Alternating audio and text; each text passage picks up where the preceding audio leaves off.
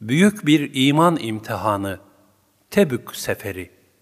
Tebük, Medine ile Şam'ın tam ortasında bir şehrin ismi olup, oraya yapılan sefer, Allah Resulü sallallahu aleyhi ve sellemin iştirak eylediği son seferi olmuştur. Bu sefer, Mute Harbi'nin bir devamı gibidir.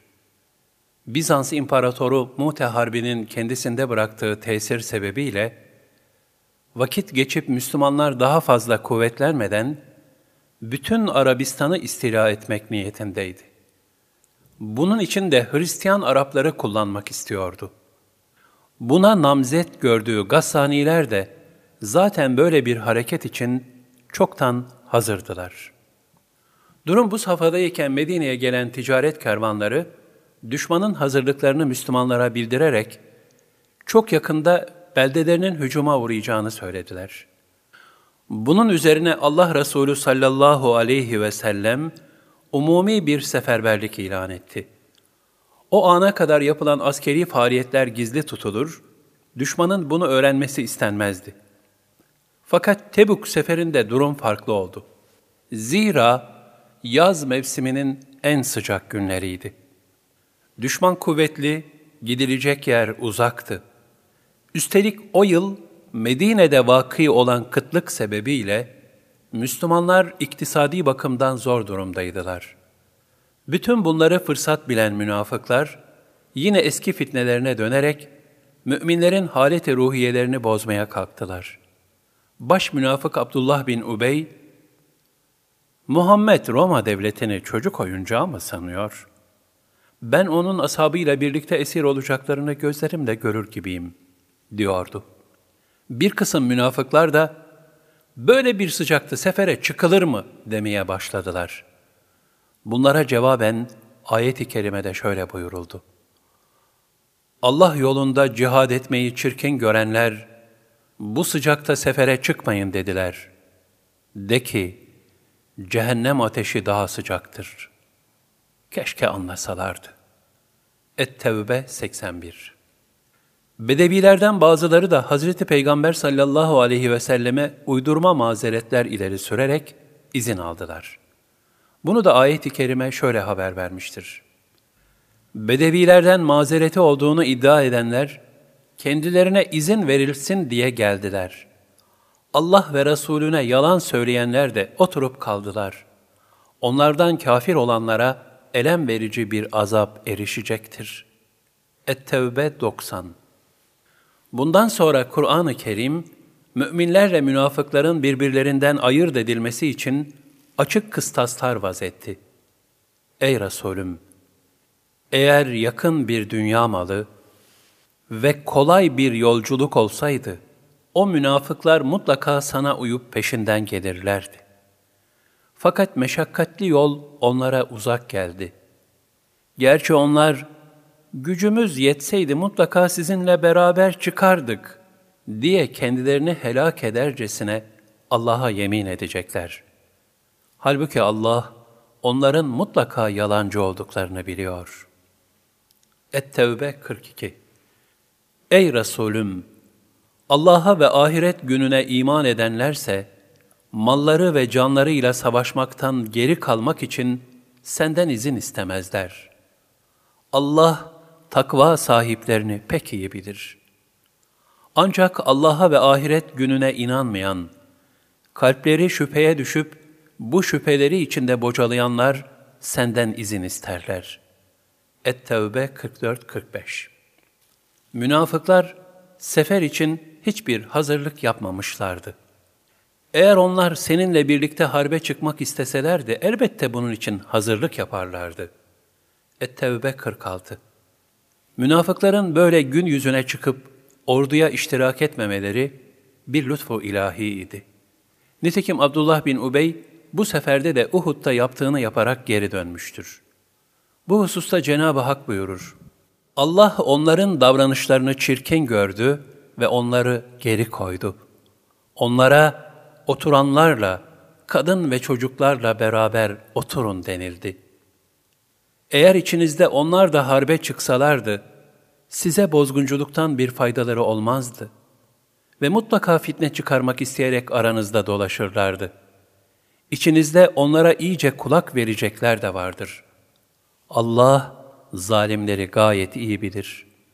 Et-Tevbe 46-47 Daha şimdiden bozgunculuk çıkaran münafıklar, gerçekten harp esnasında öyle zararlı oluyorlardı ki, fitne, yalan, iftira ve korkaklıklarıyla bütün İslam ordusunun huzurunu bozuyorlar ve adeta her biri bir çıban gibi müminlere ızdırap veriyordu. Bunun içindir ki Cenab-ı Hakk'ın lütfu erişti de, münafıkların bu sefere katılması, ihtiva ettiği birçok zorlukların gözlerini korkutması neticesinde mümkün olmadı. Ashab, onların fitnesinden halas oldu. Münafıklar birer mazeret uydurarak harpten izin istiyorlardı. Bu izin meselesini de o kadar ileri götürdüler ki, bazıları oralarda Rum kızlarını görerek fitneye düşebileceklerini ifade etmekten bile çekinmedi. Böylece güya sureti haktan görünüp münafıklıklarını gizlemeye çalışıyorlardı. Ancak Allah Teala onların bu hallerini açığa vurdu. Onlardan öylesi de var ki, bana izin ver, beni fitneye düşürme der. Bilesiniz ki onlar zaten fitneye düşmüşlerdir. Cehennem kafirleri mutlaka kuşatacaktır. Et-Tevbe 49 Bir taraftan münafıkları acı azabıyla inzar eden Cenab-ı Hak, diğer taraftan onların tesirinde kalıp da biraz gevşemiş bulunan müminleri de ikaz buyurdu. Ey iman edenler! Size ne oldu ki Allah yolunda savaşa çıkın denildiği zaman yere çakılıp kalıyorsunuz? Yoksa dünya hayatını ahirete tercih mi ediyorsunuz? Fakat biliniz ve unutmayınız ki, dünya hayatının geçici faydası, ahiretin ebedi faydası yanında pek azdır. Eğer gerektiğinde harbe çıkmazsanız, Allah sizi pek elem verici bir azab ile cezalandırır ve yerinize sizden başka bir kavim getirir. Siz harbe çıkmamakla ona bir zarar veremezsiniz. Allah her şeye kadirdir. Et-Tevbe 38-39 Ey müminler! İster zor, ister kolay gelsin. Allah yolunda harbe çıkın. Mallarınızla ve canlarınızla Allah yolunda cihad edin. Eğer bilirseniz, bu sizin için elbette ki daha hayırlıdır. Et-Tevbe 41 Bu ikazlar üzerine müminlerin arasında büyük bir canlanma oldu. Gönüllerdeki gevşeklik, yerini nedamet dolu bir hamleye bıraktı. Coşkun bir iman seferberliği başladı. Çünkü düşmanın İslam ülkesine hücumu durumunda cihat, farz-ı ayındı ve bütün müminler buna riayetle mükellefti. Ancak bu farzla mükellef kılınmayıp, cihattan muaf tutulabilecek olanlarsa, ayet-i kerimede şöyle bildirildi. Allah ve Resulüne samimiyetle bağlılıkları devam ettiği sürece ve insanlara öğüt verdikleri takdirde zayıflara, hastalara ve muharebede harcayacak bir şey bulamayanlara günah yoktur. İhsan sahiplerinin aleyhine bir yol, mesuliyet yoktur. Allah gafurdur, rahimdir. Et-Tevbe 91 Ayet-i Kerime'nin beyanına göre, harpten muaf olanlar, memleketlerinde fitneye meydan vermez, yalan haberler yaymaz, harbe iştirak etmiş bulunan mücahitlerin ailelerine yardımcı olur ve ameli salih işlerlerse, muharebeye katılamamaktan dolayı kendilerine bir günah yazılmaz. Ancak bunların harbe iştiraklerini yasaklayan herhangi bir emir de sadır olmadığından, arzu ederlerse, orduya yük olmamak şartıyla harbe iştirak edebilirler. Nitekim bu muaf tutulanlar sınıfına giren yedi fakir sahabi, Allah Resulü sallallahu aleyhi ve selleme müracaat ederek, kendisinden harbe iştirak için binek talebinde bulundular. Bindirecek deve olmadığı cevabını alınca, ağlıya ağlıya döndüler. Allah yolunda dökülen şu gözyaşları, makbulu ilahi oldu ve ayet-i kerimede Ey Resulüm!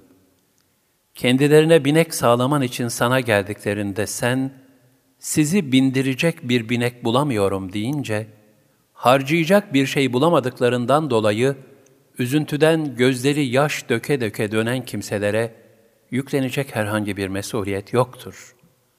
Et-Tevbe 92 buyuruldu. Daha sonra ashabın güzidelerinden İbni Ömer, Hazreti Abbas ve Hazreti Osman radıyallahu anhüm hazaratı, bu içleri cihat aşkıyla yanan yedi fakir sahabiyi onlara yiyecek ve binecek tedarik ederek beraberlerinde harbe götürmüşlerdir. Bu ibretli seferde insan ruhundaki iki zıt hususiyet, yani münafıkların fısk, müminlerin takva mücadelesi, aynı zaman ve mekanda sergileniyordu.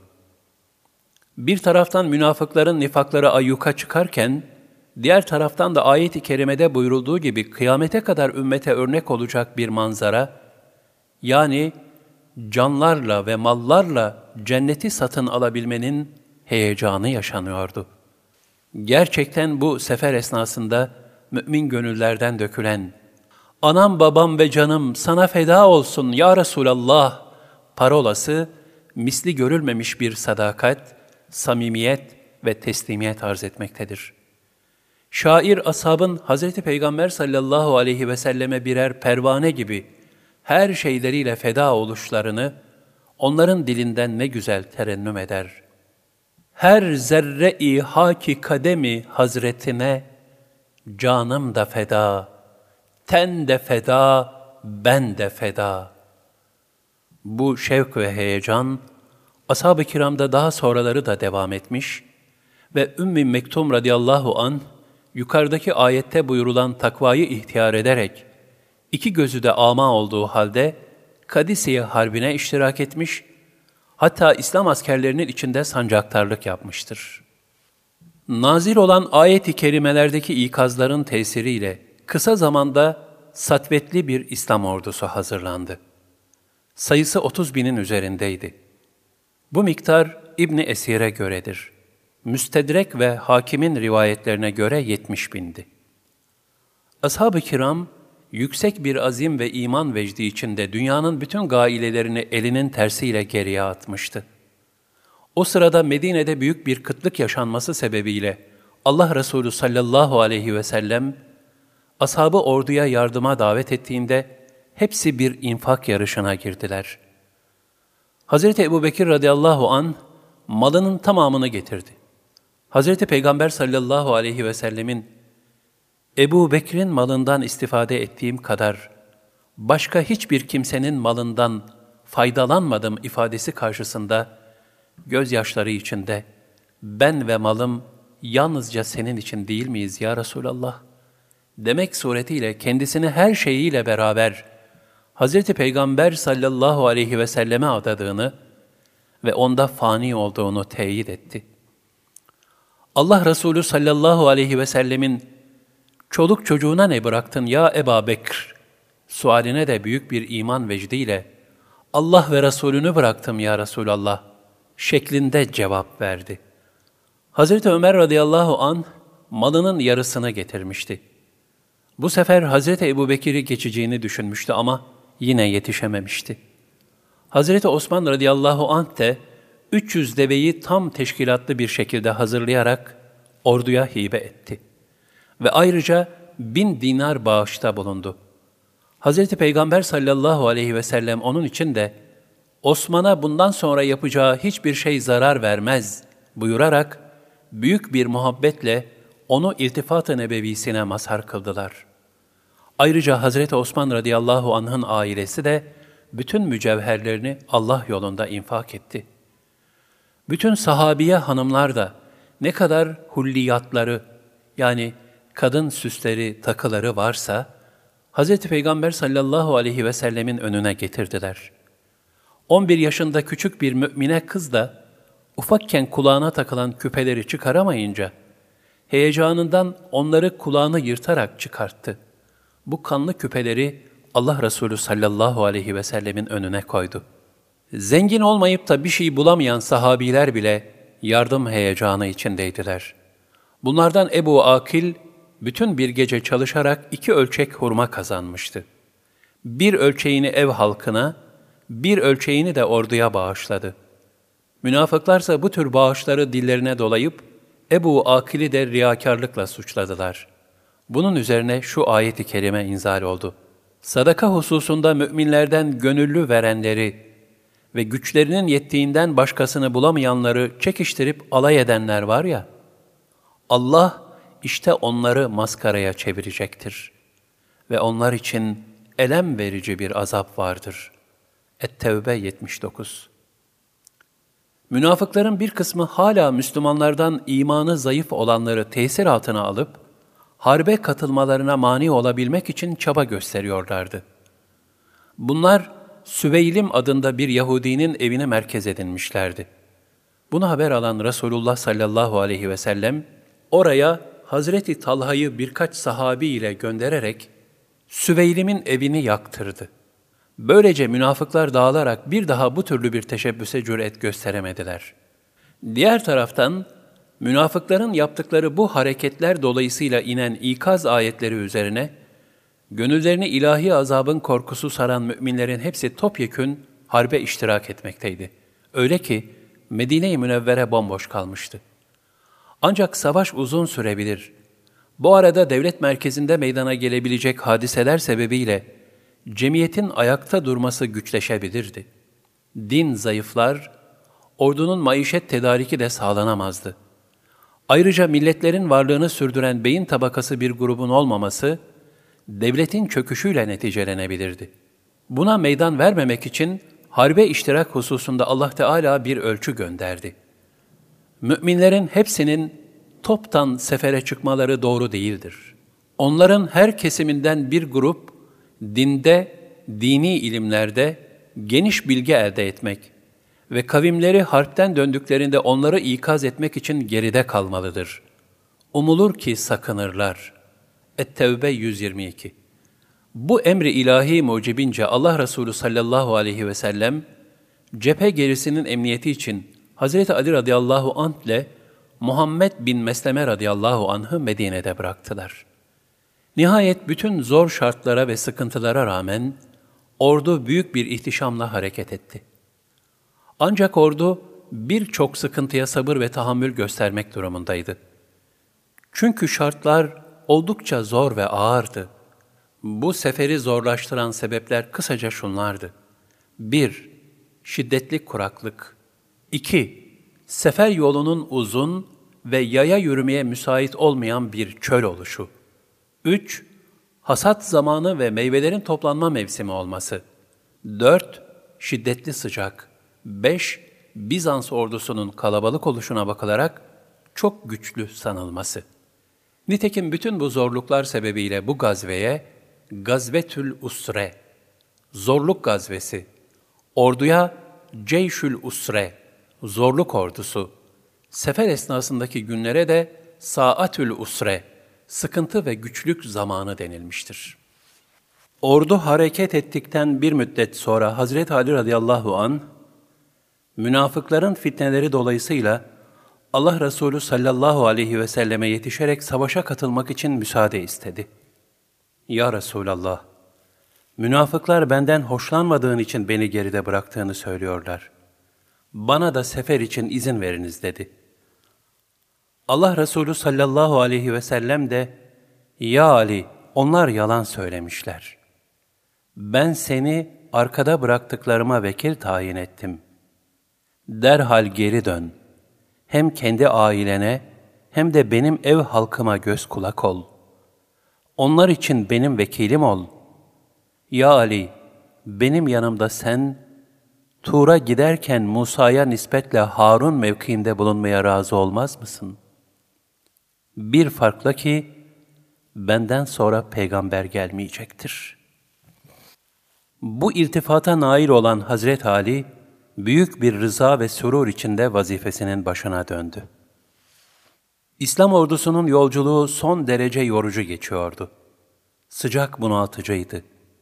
Üç kişiye bir deve düştüğünden, ashab binite sırayla biniyorlar, bu da bir hayli sıkıntı veriyordu. Bir hurmayı iki kişi bölüşüyordu. Bazen su bulmakta güçlük çekiliyordu. Bu yüzden abdest alırken azalar bir defa yıkanmaktaydı. Bir ara Allah Resulü sallallahu aleyhi ve sellem dua buyurdular ve sadece İslam askerinin bulunduğu yere yağmur yağdı. İslam ordusu yolları üzerinde bulunan Semud kavminin helak olduğu Hicr mevkiinden geçerlerken, Allah Resulü sallallahu aleyhi ve sellem ashab-ı kirama, burası kaçılacak bir vadidir buyurdular. Ardından, bu taştan oymalı evlere hüzünle girin, bir şey de almayın. Çünkü burada azgın bir kavme azabı ilahi geldi. Buyurarak, o bölgeyi hızlı geçtiler. Oradan alınan suları döktürdüler. İsrafa çok dikkat buyurmalarına rağmen bu suyla yapılmış olan hamurları da attırdılar. Çünkü kahır mekanları düçar olduğu felaketin kaderini kıyamete kadar devam ettirmektedir. Dolayısıyla kahrın tecelli ettiği beldelerde, isyan ve günah yüklü mekanlarda manen devam eden kahrın inikasına maruz kalmamak için, Allah Resulü sallallahu aleyhi ve sellemin buyurduğu gibi süratlenmek icap eder. Tebük'e bir günlük mesafe kaldığında İslam ordusu yine büyük bir susuzluk çekmekteydi. Muaz İbni Cebel şöyle anlatır. Resulullah sallallahu aleyhi ve sellem, siz yarın inşallah Tebük kaynağına ulaşacaksınız buyurdu. Ertesi gün kaynağa ulaşılınca mevcut su avuç avuç bir su kırbasına toplandı. Hz. Peygamber sallallahu aleyhi ve sellem onunla ellerini ve yüzünü yıkadı ve kaynağı geri serpti. Sonra ucu demirli üç sopayı kaynağa batırdı. Derhal billur gibi üç kaynak fışkırmaya başladı. Bütün mücahitler susuzluğunu giderdi. Allah Resulü sallallahu aleyhi ve sellem bana, Ey Muaz! Uzun bir ömrün olsaydı, çok geçmeden bu su ile buraların bağ ve bahçelerle dolu olduğunu görürdün buyurdular. İslam ordusu Tebük'te karargahını kurduğu halde, düşmandan en ufak bir hareket göze çarpmıyordu. Çünkü bu kadar büyük bir İslam ordusunu gören Hristiyan Arap kabileleri, daha evvel Mute'deki 3000 kişilik bir iman ordusunun gösterdiği kahramanlıkları da hatırlayarak, maneviyatları kırılmış bir vaziyette harpten çekinmişlerdi. Bizans ise Arabistan'ı istila fikrinden çoktan vazgeçmişti bile. Bizans imparatoru o esnada Humus'ta kendi memleketinin iç işleriyle uğraşmaktaydı. Böylece Arabistan'ı istila meselesinin Hristiyan olan Gassani Araplarının bir abartması olduğu anlaşıldı. Ancak bu seferle İslam ve Müslümanlar büyük bir izzet kazandılar. Arabistan'ın kuzey hudutları tamamen emniyet altına alındı. Eyle hükümdarı, Cerba ve Erzu halkları, Hz. Peygamber sallallahu aleyhi ve sellem'den cizye karşılığı eman dileyerek Müslümanların himayesine girdi. Hz. Halid bin Velid de 400 atlıyla Dumetül Cendel'e hücum ederek hükümdar Ükeydir'i yakalayıp Allah Resulü sallallahu aleyhi ve selleme getirdi. Ona da cizye karşılığı eman verildi. İslam ordusu Tebük'te 20 gün kaldı. Resulullah sallallahu aleyhi ve sellem daha ileri gitmek istemedi. Çünkü o, İslam'ı insanlara kılıç zoruyla götürmek arzusunda değildi. Hem Bizans devletine gereken gözdağı fazlasıyla verilmiş, karşılarına hiçbir düşman çıkmamıştı. Ayrıca Suriye'yi o sıralarda taun hastalığı kasıp kavurmaktaydı. Taun ise bulaşıcı ve öldürücü bir hastalık olduğundan, Hz. Peygamber sallallahu aleyhi ve sellem, bir bölgede taun olduğunu duyarsanız, oraya girmeyin. Siz oradaysanız, sakın oradan çıkmayın buyurdular. Ardından ashab-ı kiramla istişare ederek, Medine'ye dönmeye karar verdiler. Bu sırada Ebu Zer radıyallahu an orduya yetişti. O hayvanı yola dayanamadığı için gerilerde kalmış, zor da olsa yaya olarak ordunun ardından gelmişti. Bunu gören Allah Resulü sallallahu aleyhi ve sellem mütebessim bir şekilde, Allah selamet versin. Ebu Zer yalnız yaşar, yalnız ölür ve yalnız başına diriltilir buyurdular. Allah Resulü sallallahu aleyhi ve sellemin bu mucizevi ifadeleri vakti gelince tahakkuk etmiş ve Ebu Zer radıyallahu an yalnız yaşamış, yalnız vefat eylemiştir. Orduya Tebük'te katılanlardan biri de Ebu Heyseme'ydi. O başlangıçta seferin zorluğu sebebiyle Medine'de kalmış, orduya iştirak etmemişti. Daha sonra bir gün bahçesindeki çardakta hanımları kendisine mükellef bir sofra hazırlamış, onu yemeğe çağırmışlardı. Ebu Heyseme bu manzarayı görünce aklına Allah Resulü sallallahu aleyhi ve sellem ve ashabı gelerek yüreği sızlamış ve kendi kendisine onlar bu sıcakta Allah yolunda yol tepiyorlarken benim bu yaptığım olacak şey mi demişti. Bu nedametle de kendisi için hazırlanan sofraya elini hiç sürmeden derhal yola düşmüş, Tebük'te İslam ordusuna katılmıştı. Onun geldiğini gören Allah Resulü sallallahu aleyhi ve sellem bu davranıştan memnun oldular. Ve ya Eba Heyseme, az kaldı helak olacaktın buyurarak onun affı için Cenab-ı Hakk'a dua eylediler. Tebük'te İslam ordusundan yalnız Abdullah Zülbicadeyn isimli bir sahabi şehit olmuştur. Zaten o sefere çıkarken kendisine şehadet nasip olması için Hz. Peygamber sallallahu aleyhi ve sellem'den ısrarla dua talep etmişti. Resulullah sallallahu aleyhi ve sellem de sen Allah yolunda harbe çıkar da hummaya tutularak ölürsen şehitsin buyurmuşlardı. Gerçekten onun şehadeti de böyle tahakkuk eyledi. Ordu geri dönüş için hareket edeceğinden gece yarısı onu defnederlerken Allah Resulü sallallahu aleyhi ve sellem bizzat kabre girdiler ve Abdullah'ı oraya mübarek elleriyle koydular. Sonra da Allah'ım ben ondan razıyım, sen de razı ol diye dua buyurdular. Dönüş başladığında münafıklardan bir grup, geceleyin geçilecek olan dar bir boğazda Allah Resulü sallallahu aleyhi ve selleme suikast planlamışlardı. Hz. Peygamber sallallahu aleyhi ve sellem bundan haberdar oldu ve Huzeyfetül Yemani'yi onların üzerine gönderdi. Huzeyfe radıyallahu anh de oraya varıp, Ey Allah düşmanları! Çekilin diye haykırarak münafıkların hepsini dağıttı. Fakat Allah Resulü sallallahu aleyhi ve sellemi münafıkların ikinci bir tuzağa daha beklemekteydi. İslamiyet'in kökleşmesiyle birlikte Medine ve Mekke'den ayrılan Ebu Amir adında Hazreçli bir Hristiyan, Bizans'a sığınmış, durmadan münafıkları kışkırtıyordu. Bu fesat kazanının irtibat noktası olarak da Kuba Mescidi'nin biraz aşağısında bir mescit inşa etmişlerdi. Bu meşhur Dırar Mescidiydi. Yapmayı düşündükleri bir suikast için de Resulullah sallallahu aleyhi ve sellemi Tebük seferinden önce buraya davet etmişler. Ancak onun sefer dönüşünde inşallah demesi üzerine İslam ordusunun dönüşünü beklemeye başlamışlardı. Allah Resulü sallallahu aleyhi ve sellem Medine'ye bir konak yaklaştıklarında Cebrail aleyhisselam geldi ve zahirde bir mescit olarak kurulan bu fitne yuvasının iç yüzünü haber verdi. Böylece mescide karşı mescitle, dine karşı dini kullanmakla Allah Resulü sallallahu aleyhi ve selleme, dolayısıyla Müslümanlara karşı münafıklar tarafından hazırlanan bu tuzak, maksadına ulaşamadı. Çünkü Cenab-ı Hak açık bir şekilde bu hakikati bildirmekteydi.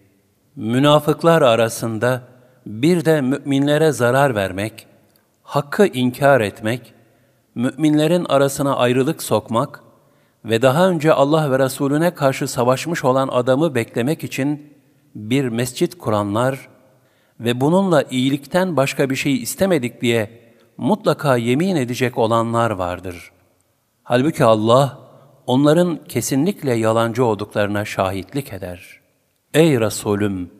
Onun içinde Dırar mescidinde asla namaz kılma.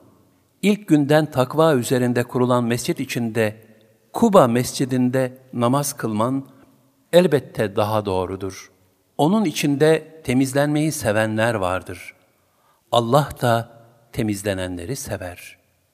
Et-Tevbe 107-108 Allah Resulü sallallahu aleyhi ve sellem emri ilahi mucibince hareket ettiler ve Medine'ye vardıklarında da Dırar mescidini yaktırdılar. Tebuk seferi meşakkat dolu bir seferdi. Sahabi bin kilometre gitmiş ve dönmüştü. Medine'ye yaklaşırlarken adeta şekilleri değişmişti. Derileri kemiklerine yapışmış, saç sakal birbirine girmişti. Hal böyleyken Hz. Peygamber sallallahu aleyhi ve sellem, şimdi küçük cihattan büyük cihada dönüyoruz buyurdular. Sahabi hayretle, Ya Resulallah, halimiz meydanda, bundan daha büyük cihat var mı dediklerinde, Hz. Peygamber sallallahu aleyhi ve sellem, şimdi büyük cihada, nefs cihadına dönüyoruz buyurdular. Nefs cihadı bir kalp eğitim ve terbiyesidir.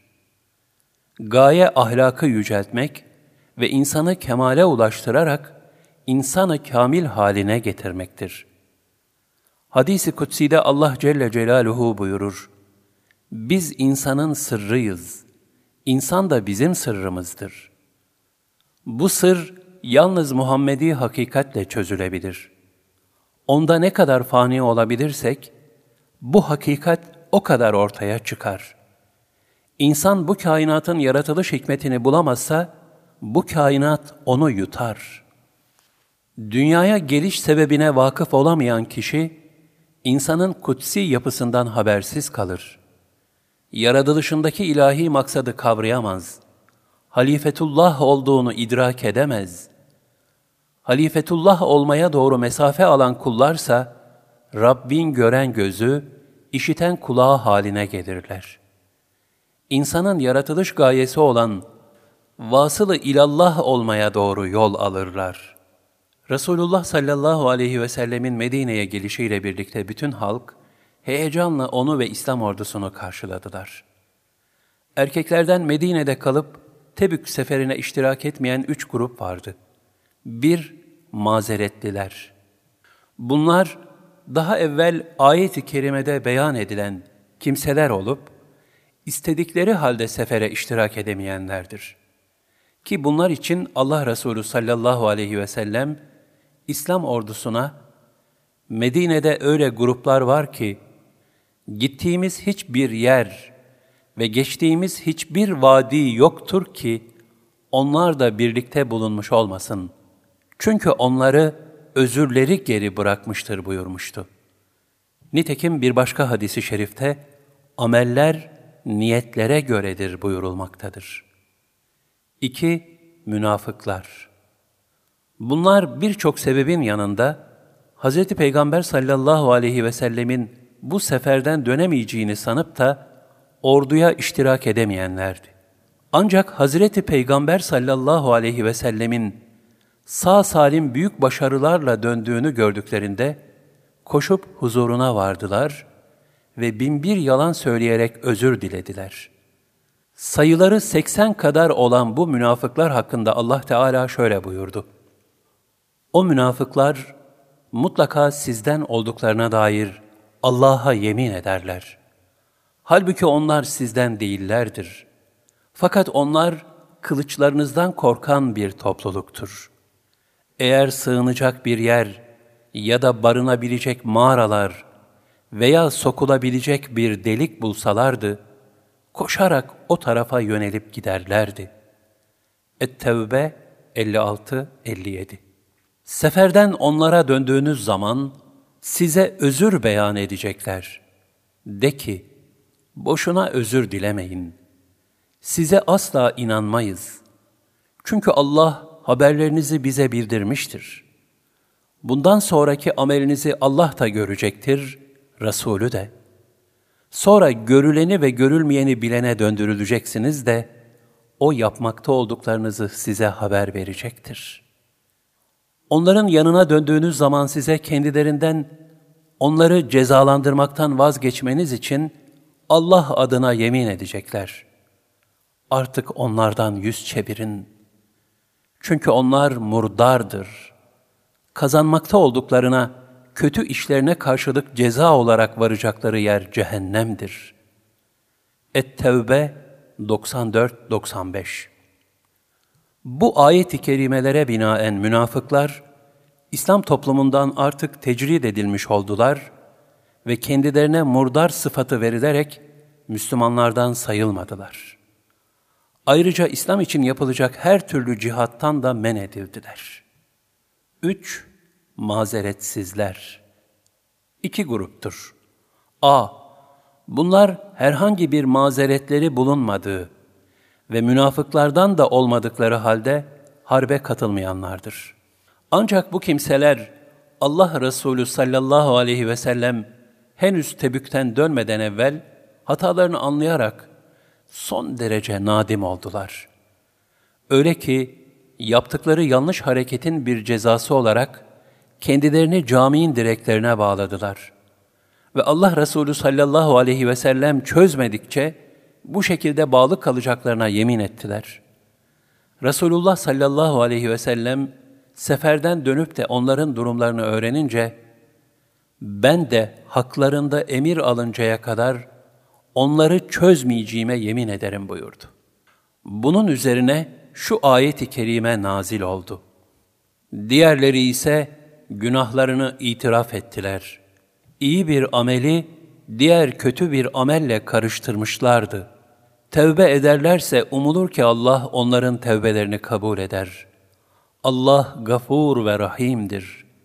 Et-Tevbe 102 Bu ayet-i kerimenin nüzulünden sonra Resulullah sallallahu aleyhi ve sellem, pişmanlıklarından kendilerini direklere bağlayan bu sahabileri çözdü.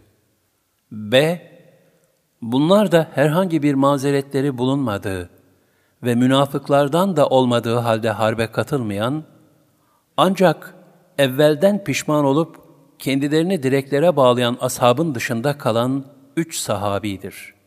Şair Kâb bin Malik, Mürare bin Rabi'ül Amri ve Hilal bin Ümeyyetül Vakıfi adlarındaki bu üç sahabi, münafıklar gibi yalan söylemediler. Onlar, Allah Resulü sallallahu aleyhi ve selleme mazeretsiz olarak harbe iştirak etmediklerini beyan ettiler. Yaptıklarına son derece pişman olduklarından dolayı da tarifsiz bir nedamet içinde huzuru peygamberi de af dilediler. İlahi emirlere riayet hususunda büyük bir rikat sahibi olan Allah Resulü sallallahu aleyhi ve sellem bu üç sahabiyi affetmedi. Hatta vahiy ilahinin gelmesini beklediğinden onların selamlarını dahi almadı. Her halükarda kendisine tabi olan ashabı da aynı şekilde hareket etti. Bu üç sahabi bütün gazvelere katılmışlardı. İçlerinden Kâb hariç, diğer ikisi Bedre'de iştirak etmişlerdi. Bunun içindir ki şu an Tebuk'a iştirak etmemekle içine düştükleri hata yüzünden kendilerine uygulanan tavır karşısında dünya gönüllerine dar gelmekteydi. Hele Allah Resulü sallallahu aleyhi ve sellemin selamlarını dahi almayacak derecede onlardan yüz çevirmesi neticesinde adeta yeryüzü kendilerine yabancılaşmıştı. Öyle ki hanımları bile kendileri için bir yabancı gibiydi. Yapacak hiçbir çareleri yoktu. Onlar da gece gündüz ağladılar. Eriyen bir muma döndüler. Hata yapmışlardı. Ama ihlas, doğruluk, sadakat, samimiyet, teslimiyet, nedamet ve tövbeden uzaklaşmamışlardı. Böylece elli gün geçti. Nihayet doğru konuşmuş olmaları ve samimi bir şekilde tövbe etmelerinin bir mükafatı olarak şu ayeti kerime ile affa mazhar oldular. Ve Allah seferden geri kalan üç kişinin de tövbelerini kabul etti. Yeryüzü olanca genişliğine rağmen onlara dar gelmiş, vicdanları sıkıştıkça sıkışmıştı. Nihayet Allah'tan, onun azabından yine Allah'a sığınmaktan başka çare olmadığını anlamışlardı. Sonra eski hallerine dönmeleri için Allah, onların tevbelerini kabul etti. Çünkü Allah, tevbeyi çok kabul edendir, rahimdir. O halde ey iman edenler, Allah'tan korkun ve sadıklarla beraber olun.'' Et-Tevbe 118-119 Hazreti Peygamber sallallahu aleyhi ve sellem, Kâb bin Malik'e bu müjdeli haberi şöyle bildirmişlerdir. Seni doğduğun günden beri geçirdiğin en hayırlı ve mesut bir günle müjdelerim. Kâb bin Malik radıyallahu anh de Allah'ın bu yüce affına bir şükrane olarak, Ya Resulallah, ben de Allah ve Resulünün rızası için malımın hepsini sadaka etmek istiyorum dedi. Ancak Allah Resulü sallallahu aleyhi ve sellem, malının bir kısmını kendin için alıkoy. Böylesi senin için daha hayırlıdır buyurdular. Kâb bin Malik de, öyleyse Hayber'deki hissemi alıkorum. Ey Allah'ın Resulü! Allah beni bu badireden yalnızca doğruluğum sebebiyle kurtardı. Artık ben bundan böyle hayatım boyunca doğrudan başka bir söz söylemeyeceğim dedi. Bu üç sahabi Allah Resulü sallallahu aleyhi ve sellemle bütün gazvelere katıldıkları halde bir gazveden geri kaldıkları için bu kadar ağır bir cezaya düçar oldular. Bu hadise mazeretsiz bir şekilde emri bil maruf ve nehy anil münkerin ve Allah yolundaki tevhid mücadelesinin dışında kalanlara büyük bir ibrettir. Bir insan sahabe sıfatını haiz bulunacak. İslam'ın en zayıf zamanında başta Bedir olmak üzere birçok muharebelere iştirak edip ölümle yüz yüze gelmiş olacak. Sonra da Tebük gibi meşakkatli fakat muharebesiz bir sefere mazeretsiz katılmamaktan dolayı bu derece ağır bir muameleye maruz kalacak. Bunda izan sahipleri için ne müthiş bir ders ve ibret ve ne korkutucu bir mana mevcuttur. Zamanımızla birlikte her devrin İslam'ın galebesini sağlamak için bir mücadeleyi icap ettirmesi dikkate alınarak, bu mücadelede çeşitli sebeplerle ağır davranıp, ihmalkarlık edenlerin durumları hazindir. Bedir gazvesinde bulunup, Bedir gazisi olanlar, böyle bir ihmali bu derecede pahalı öderlerse, ya bizim gibi insanların hali ne olur diye düşünmek lazımdır.''